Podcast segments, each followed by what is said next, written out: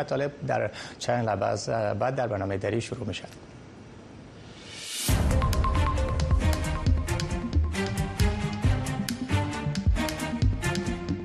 سرخط سه خبر مهم در برنامه امروز تلویزیون آشنا صدای امریکا از واشنگتن. آنتونیو گوترش منشی عمومی سازمان ملل متحد به مناسبت روز جهانی دختران و زنان فعال در بخش علوم در شبکه اجتماعی اکس نوشته است که از زنان و دختران در بخش علوم باید حمایت شود. وزیر دفاع اسرائیل تاکید کرده است که عملیات نظامی اسرائیل در غزه شامل ورود به حساس ترین مکانهای حماس به اردوی اسرائیل اجازه داده بود تا از استخبارات خود حماس برای هدف قرار دادن زیر های نظامی آنها استفاده کند. و یک مقام وزارت داخلی حکومت طالبان به دهاقین در غزنی گفته است که آنها در صورت کشت کوکنار در زمینهایشان مجازات خواهند شد. اما این دهاقین از عدم همکاری حکومت طالبان در زمینه دسترسی به بدیل معیشت شکایت دارند.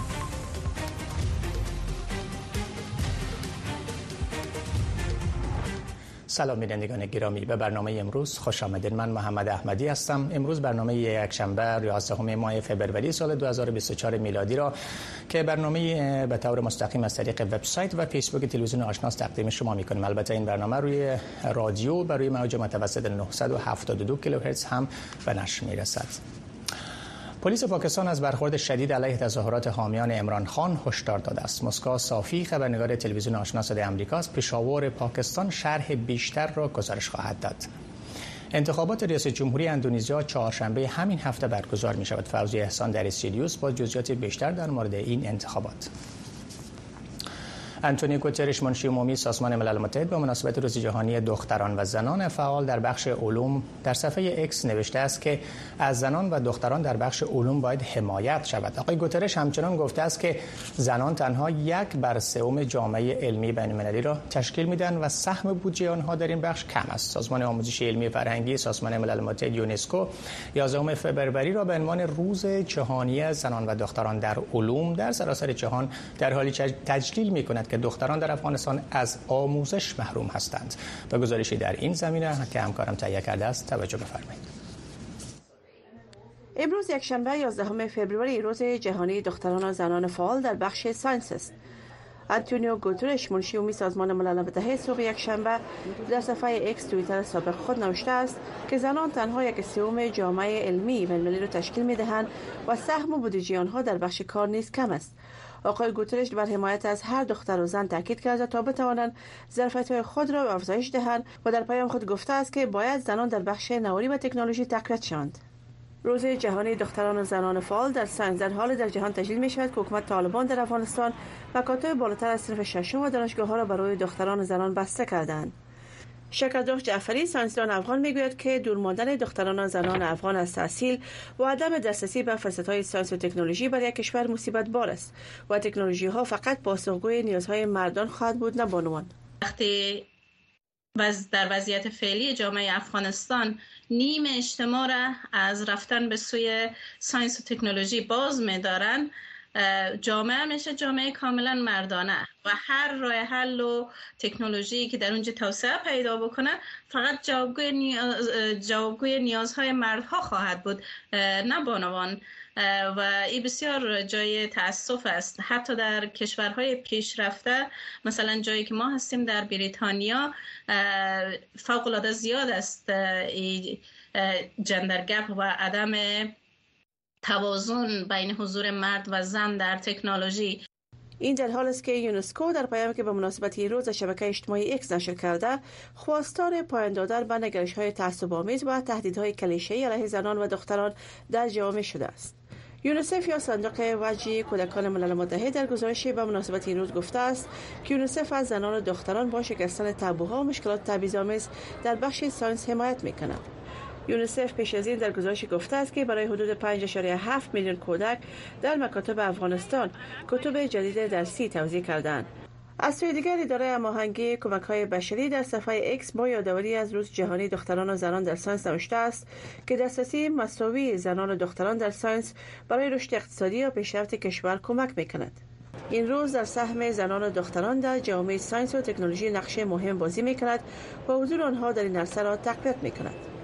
ژیلا نوری تلویزیون آشنای صدای امریکا واشنگتن عبدالغنی برادر معاون اقتصادی ریاست الوزرای حکومت طالبان می‌گوید که شماری از بانک ها در افغانستان هنوز هم مشکل نقدینگی دارند. عبدالغنی برادر نقش سکتور بانکی را در بازسازی و توسعه افغانستان مهم توصیف کرد اما گفت مشکل نقدینگی یکی دو بانک هنوز به طور کامل حل نشده است. او از کمیته مالی و سهامداران بانک های مجاز این کشور خواسته است که برای حل این مشکل به گونه مشترک کار کنند. پس از مسلط شدن دوباره طالبان بر افغانستان سکتور بانکی این کشور در حال فروپاشی قرار گرفت و با گذشت بیش از دو سال تا اکنون روند بانکداری به حالت عادی در این کشور بر نگشته است.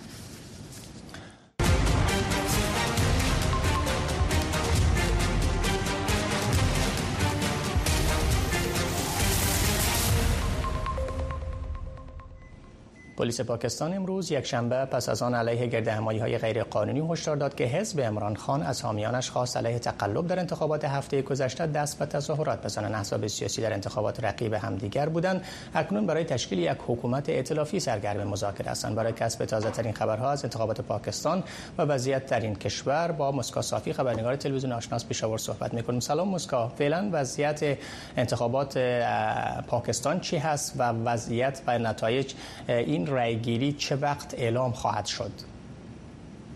سپاس از شما شمار شعرا با خیلی کندی روبرو است. و با گذشت سه روز هم نتایج مشخص نگردیده آنچه که کمیسیون انتخابات پاکستان اعلام کرده 101 کرسی را نمایندگان مستقل یا آزاد یا هم تحریک انصاف پاکستان از آن خود کرده و 75 کرسی را هم حزب مسلم لیگ نون پاکستان و 54 کرسی را هم حزب مردم پاکستان از آن خود کرده. ولی تا کنون واضح نیست و این کندی و یا هم تاخیر در نتایج باعث گردیده که اکثر اعضاب سیاسی از کمیسیون انتخابات پاکستان اعتراض کرده.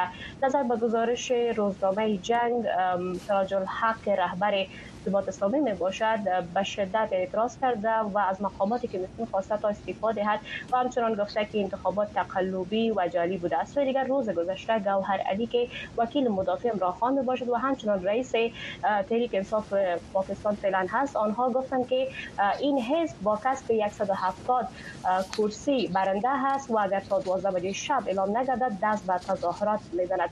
باید بگویم که لازم است از 265 کرسی یک حزب باید حداقل 134 کرسی را کسب کند تا تشکیل حکومت دهد. بله مسکا برخی حملات علیه بعضی کاندیدان در جریان و یا بعد از انتخابات رخ داده است. خبرها تازه از این حملات چی است؟ بله پاکستان در این اواخر شاهد نامی های خیلی زیاد می باشد شب گذشته در وزیرستان جنوبی در یک منطقه وزیرستان جنوبی البته در مقابل یک دفتر کاندیدان یا نمایندگان آزاد یک انفجار صورت گرفته که در آن یک نفر کشته و یک نفر هم زخم برداشته. امروز در ایالت سن هم در اثر یک درگیری میان دو گروه به شمول یک پلیس شش نفر کشته شده و همچنان حزب یا هواداران عمران خان امروز در سراسر پاکستان دست بر تظاهرات زده بود و شعارهای پشاور اسلام آباد هم مزدود گردیده بود و به این نظرند که اگر نتایج دقیق نگردد و یک حکومت ساخته نشود ممکن این تظاهرات گسترده تر شود و اوضاع سیاسی با یک بحران جدی رو برو گردد بله. تشکر از مسکا صافی خبرنگار تلویزیون آشنا امریکا از پشاور که جزئیات بیشتر از وضعیت بعد از انتخابات این کشور رو گزارش داد. بخیر باشید یو گلانت وزیر دفاع اسرائیل تاکید کرده است که عملیات نظامی اسرائیل در غزه از جمله ورود به حساسترین مکانهای حماس به اردوی اسرائیل اجازه داده بود تا از استخبارات خود حماس برای هدف قرار دادن زیرساختهای نظامیان گروه و افزایش فشار برای معامله پیرامون برگشت گروگانها استفاده شود. شرح بیشتر در این گزارش. اظهارات یوف گالنت وزیر دفاع اسرائیل در یک نمایشگاه اردوی آن کشور. در پایگاه نظامی در جنوب اسرائیل در حال بیان شد که یافته های اردوی این کشور اصلا و اسناد به دست آمده حماس پرده برداشت. ما وارد حساسترین مکانهای حماس شده و از استخبارات آنان علیه خودشان استفاده می کنیم اما سلاحهای آنان را کشف کرده و منفجر می سازیم همه این وضعیت ناشی از تعمیق و ورود ما غذا به قلب توانایی های حماس است. هرچی بیشتر این فعالیت را عمیقتر بسازیم به همان اندازه و یک معامله واقعی بینانه برای رهایی گروگانان نزدیکتر می شویم وزارت صحت غزه اعلام کرد که اجساد 117 نفر کشته شده در حملات هوایی اسرائیل در 24 ساعت گذشته و شفاخانه ها آورده شده و شمار مجموعی کشته شدگان پس از این حمله به 28064 نفر افزایش یافته که بیشتر آنها زنان و کودکان می باشند و این در حالی است که تعداد مجروحین به 67 هزار نفر رسیده است.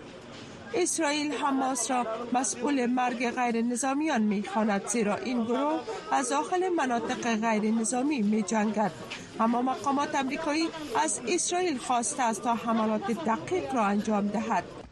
جو بایدن رئیس جمهوری ایالات متحده گفته است که پاسخ اسرائیل در صدر قرار دارد.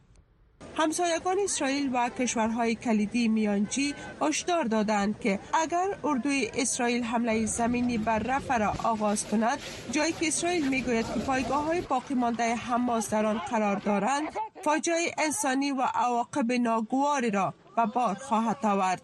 سازمان ملل متحد می گوید که شهر رفح که معمولا محل زندگی کمتر از 300 هزار نفر می باشد تکنون میزبان یک اشاره چهار میلیون نفر است که از جنگ در جاهای دیگر فرار کردند و به شدت پر ازدهام است و این در حال است که 80 درصد مردم غزه به جا شدند. رویا زمانی تلویزیون آشنای صدای امریکا واشنگتن.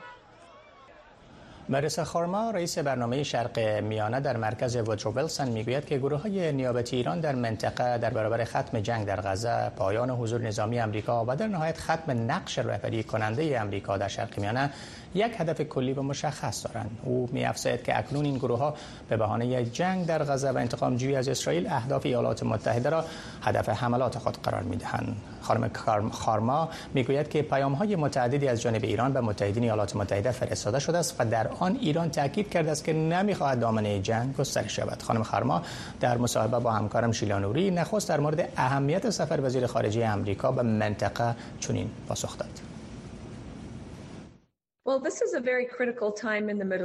شرق میانه در یک مقطع مهم زمانی قرار دارد و غزه در گیر جنگ حماس و اسرائیل است. متاسفانه تعداد زیادی از مردم فلسطین در این جنگ کشته شدند و ما می‌بینیم که شوله های جنگ به سایر نقاط کشانیده شده و ملیشه های تحت حمایت ایران در سوریه، عراق و یمن اهداف نظامی امریکا را مورد حملات قرار دادند و در آخر هفته که گذشت سه سرباز امریکایی در اردن کشته شدند این یک زمان بسیار مهم است. حکومت بایدن از ابتدای جنگ به طور روشن و واضح در هم نوایی با رهبران عرب همواره گفته است که نمی‌خواهد دامنه این جنگ گسترش یابد. بنا سفر انتونی بلینکن در چنین یک وضعیت که کار روی یک توافق آتش بس موقت شش ای بین اسرائیل و حماس توسط ایالات متحده مصر و قطر جریان دارد که ممکن منجر به آتش بس دوامدار شود یک امر عادی می باشد نظر شما در مورد گسترش دامنه جنگ به سایر نقاط در شرق میانه چی است؟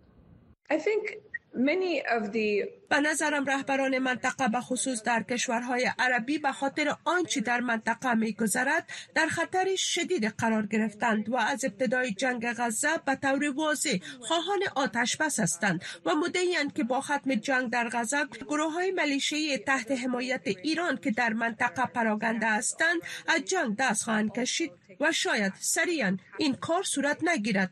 اما بسیاری از این گروه ها به دلیل آنچه در غزه با مردم فلسطین صورت می‌گیرد توانمند شدند و دلیل بسیار خوب پیدا کردند که به دفاع از مردم فلسطین دست به حملات بزنند. به همین خاطر فکر می کنم این مسئله در ردیف اول آجاندای سفر بلینکن در منطقه باشد که از نزدیک روی آن تمرکز دارد و به آهستگی نه فقط به جهت آتش بس شش ای پیش می رود بلکه در این زمان فضا را برای ثبات بیشتر در منطقه باز خواهد ساخت و در حد اوسط زمینه زمان مذاکرات صلح بین فلسطینی ها و اسرائیل فراهم خواهد شد.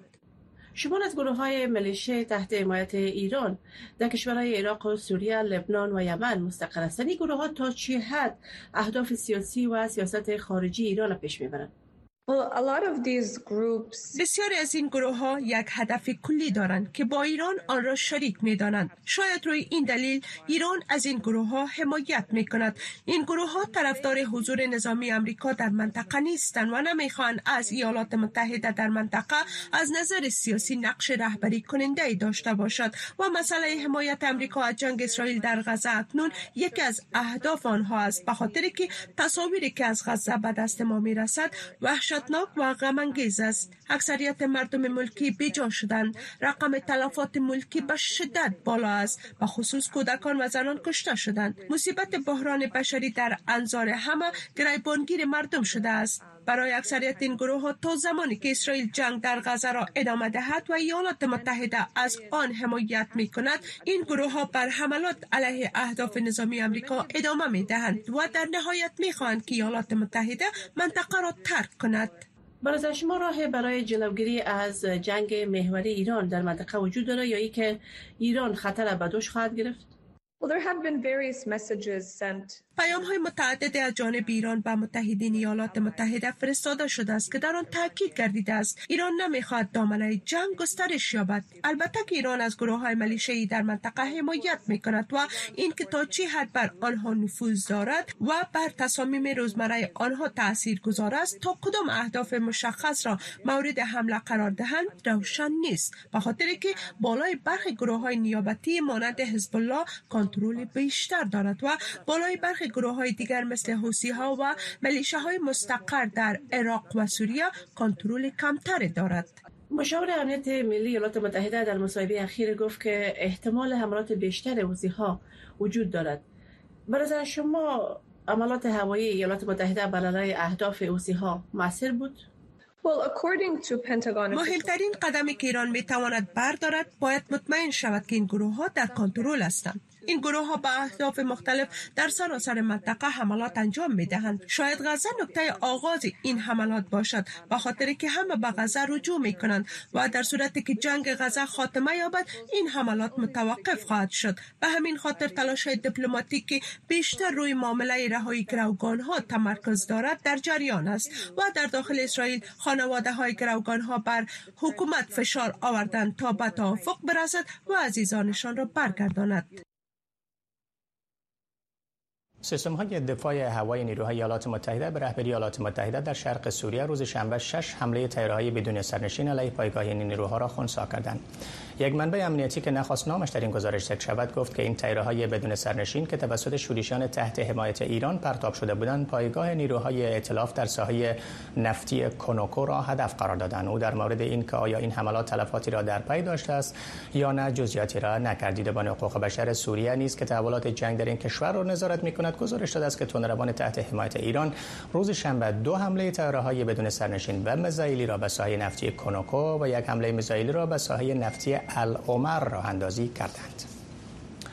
دونالد ترامپ رئیس جمهور پیشین ایالات متحده و کاندید پیشتاز جمهوری خواهان امریکا روز شنبه در یک گرد همایی به متحدین ناتو هشدار داد که وقتی او رئیس جمهور انتخاب گردد اگر آنها مصارف دفاعیشان را پرداخت نکنند و به گفته او اگر متمرد باشند او روسیه را تشویق خواهد کرد تا هر آنچه می‌خواهد در برابر آن نوع کشورها انجام دهد. این اظهارات ترامپ تشدید حملاتش علیه کمک خارجی و متحدین طولانی بین است. در سخنرانی گذاشته من گفته بودم که شما کشورهای عضو ناتو باید مصارف دفاعی را بپردازید. یکی از رؤسای جمهوری یک کشور بزرگ از من پرسید اگر ما مصارف دفاعی را پرداخت نکنیم و روسیه به ما حمله کند آیا از ما محافظت خواهید کرد؟ من گفتم که اگر مصارف را نپردازید و متمرد باشید و اگر روسیه و شما حمله کند من از شما محافظت نخواهم کرد. در واقع من روسیه را تشویق خواهم کرد. هر آنچه می‌خواهند انجام دهند. شما باید هزینه مصارف دفاعیتان را بپردازید. این بیانات رئیس جمهور پیشین امریکا در حالی است که اوکراین در مساعی خود برای نجات از تهاجم سال 2022 روسیه در بس قرار دارد و در حالی است که رئیس جمهوری خواهان در کانگرس به طور فزاینده در قسمت تأمین پول کمک علاوگی به اوکراین تردید دارند. انتخابات ریاست جمهوری اندونزیا روز چهارشنبه این هفته برگزار می شود و هشدار یک مقام حکومت طالبان و داقین غزنی در صورت کشت کوکنار در زمین هایشان مطالبی است که بعد از یک وقت کوتاه نشر می شود. در عصر و زمان تغییر که جهان نامطمئن به نظر می رسد و آنچه می شنویم منعکس کننده آنچه می بینیم نیست ما به دنبال حقیقت می براییم وقتی تنها بخشی از حقیقت و آنچه اتفاق افتاده به ما گفته می شود اعتماد از بین می رود رویاها آرزوها و خواهشاتمان برای یک فردای بهتر و مطبوعات آزاد بستگی دارد. در صدای امریکا ما روایتگر گزارش هایی هستیم که مردم برای دیدن آن خطر را متقبل می شوند ما در صدای امریکا جهان را با حقیقت به هم نزدیک و متحد می سازیم ما تصویر کامل حقیقت و آنچه را که اتفاق افتاده شما بازگو می کنیم قرار است انتخابات رئیس جمهوری اندونزیا روز چهارشنبه این هفته برگزار شود. مردم این کشور که دارای بزرگترین جمعیت مسلمان در جهان هستند، همواره در انتخابات به بهبود وضعیت اقتصادی و فرصت‌های کاری تاکید می‌کنند. شرح بیشتر این گزارش را همکارم فوزی حسان دنبال کرده است و گزارش تهیه کرده است که مختصر معلومات را در ارتباط به این انتخابات ازشان جویا میشن فوزیه اندکی معلومات در مورد انتخابات این کشوری که با نفوس بیشتر مسلمانان هست در آسیا بفرمایید. تشکر آقای احمدی از شما و سلام به شنونده های گرامی. البته در میان 50 کشوری که در سال 2024 انتخابات برگزار کردند اندونزیا تنها کشوری است که بیشترین رای دهندگان را دارد که در یک روز پای صندوق های رای خواهند رفت. به اساس گزارش ها بیشتر از 200 میلیون تن در این انتخابات رای می دهند باید گفت که رئیس جمهور فعلی اندونزیا مرحله دوم ریاست جمهوری خود سپری می کند و نمی تواند بار دیگر در انتخابات شرکت کند.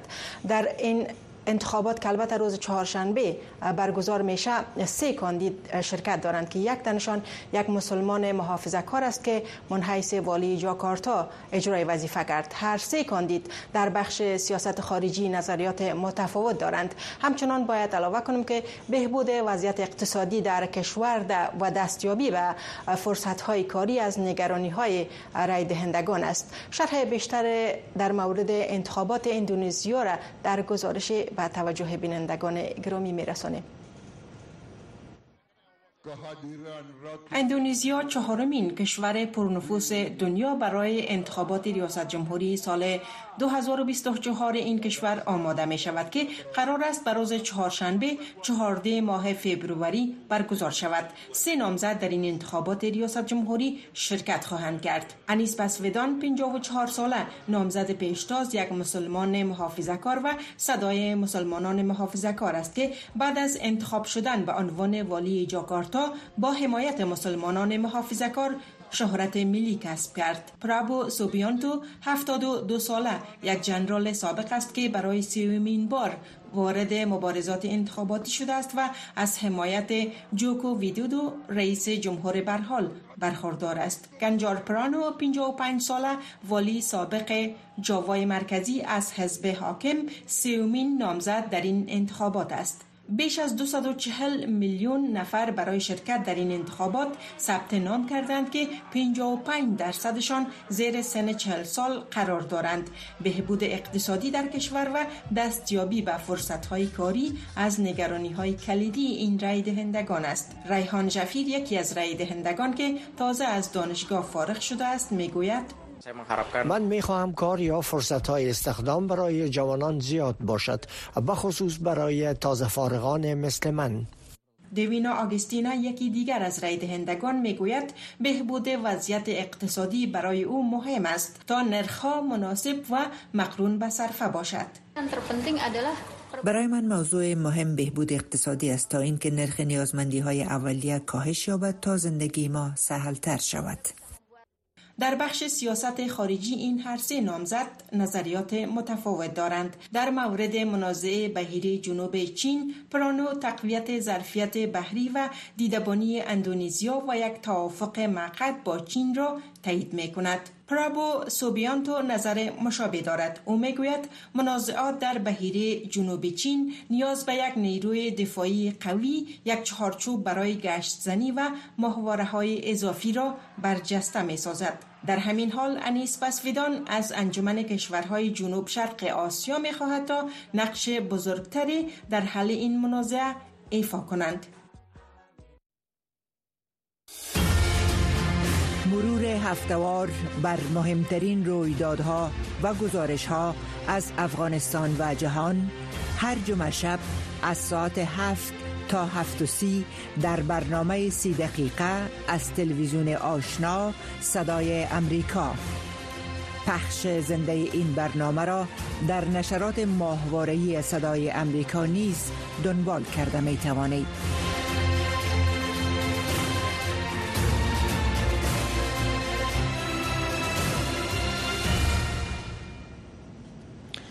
یک از مسئولین وزارت داخله در بخش مواد مخدر حکومت طالبان در سفر اخیر خود به ولایت غزنی گفته که دهقانانی که در زمین های خود کوکنار کشت کنند مجازات خواهند شد. اما دهقانان در غزنی از عدم همکاری حکومت طالبان در زمینه دسترسی به بدیل معیشت شکایت دارند. لطیف یعقوبی در این باره گزارشی را تهیه کرده است.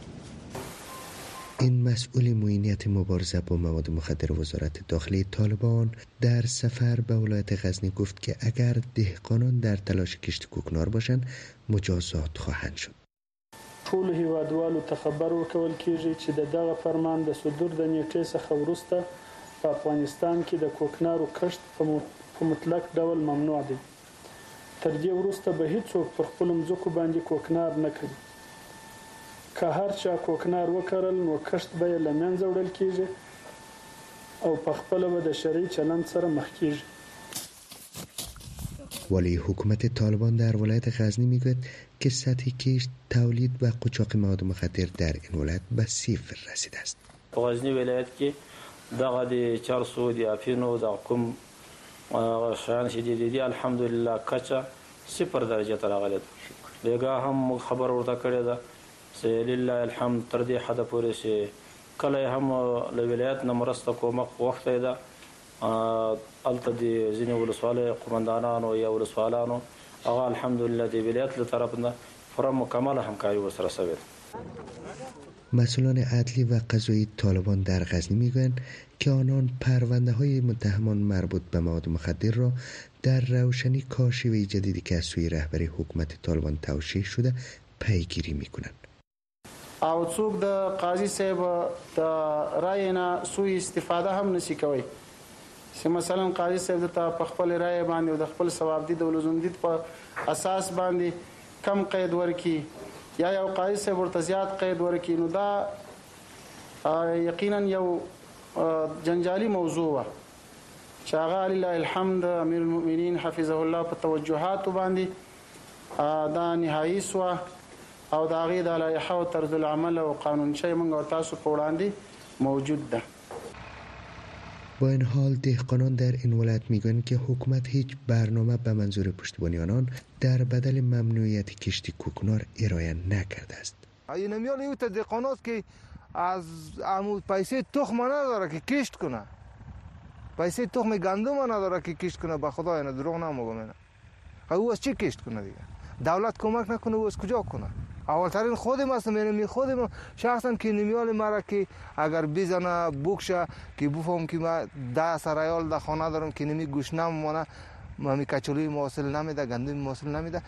کشتونم تریاک کشتونم هرچند حکومت طالبان از کاهش تولید مواد مخدر در افغانستان صحبت می کند اما شماری از دهقانان این کشور به دلیل خشکسالی و چالش های اقتصادی در طی سالهای گذشته به کشتی مواد مخدر رو آوردند. لطیف یعقوبی تلویزیون آشنا صدای آمریکا غزنی.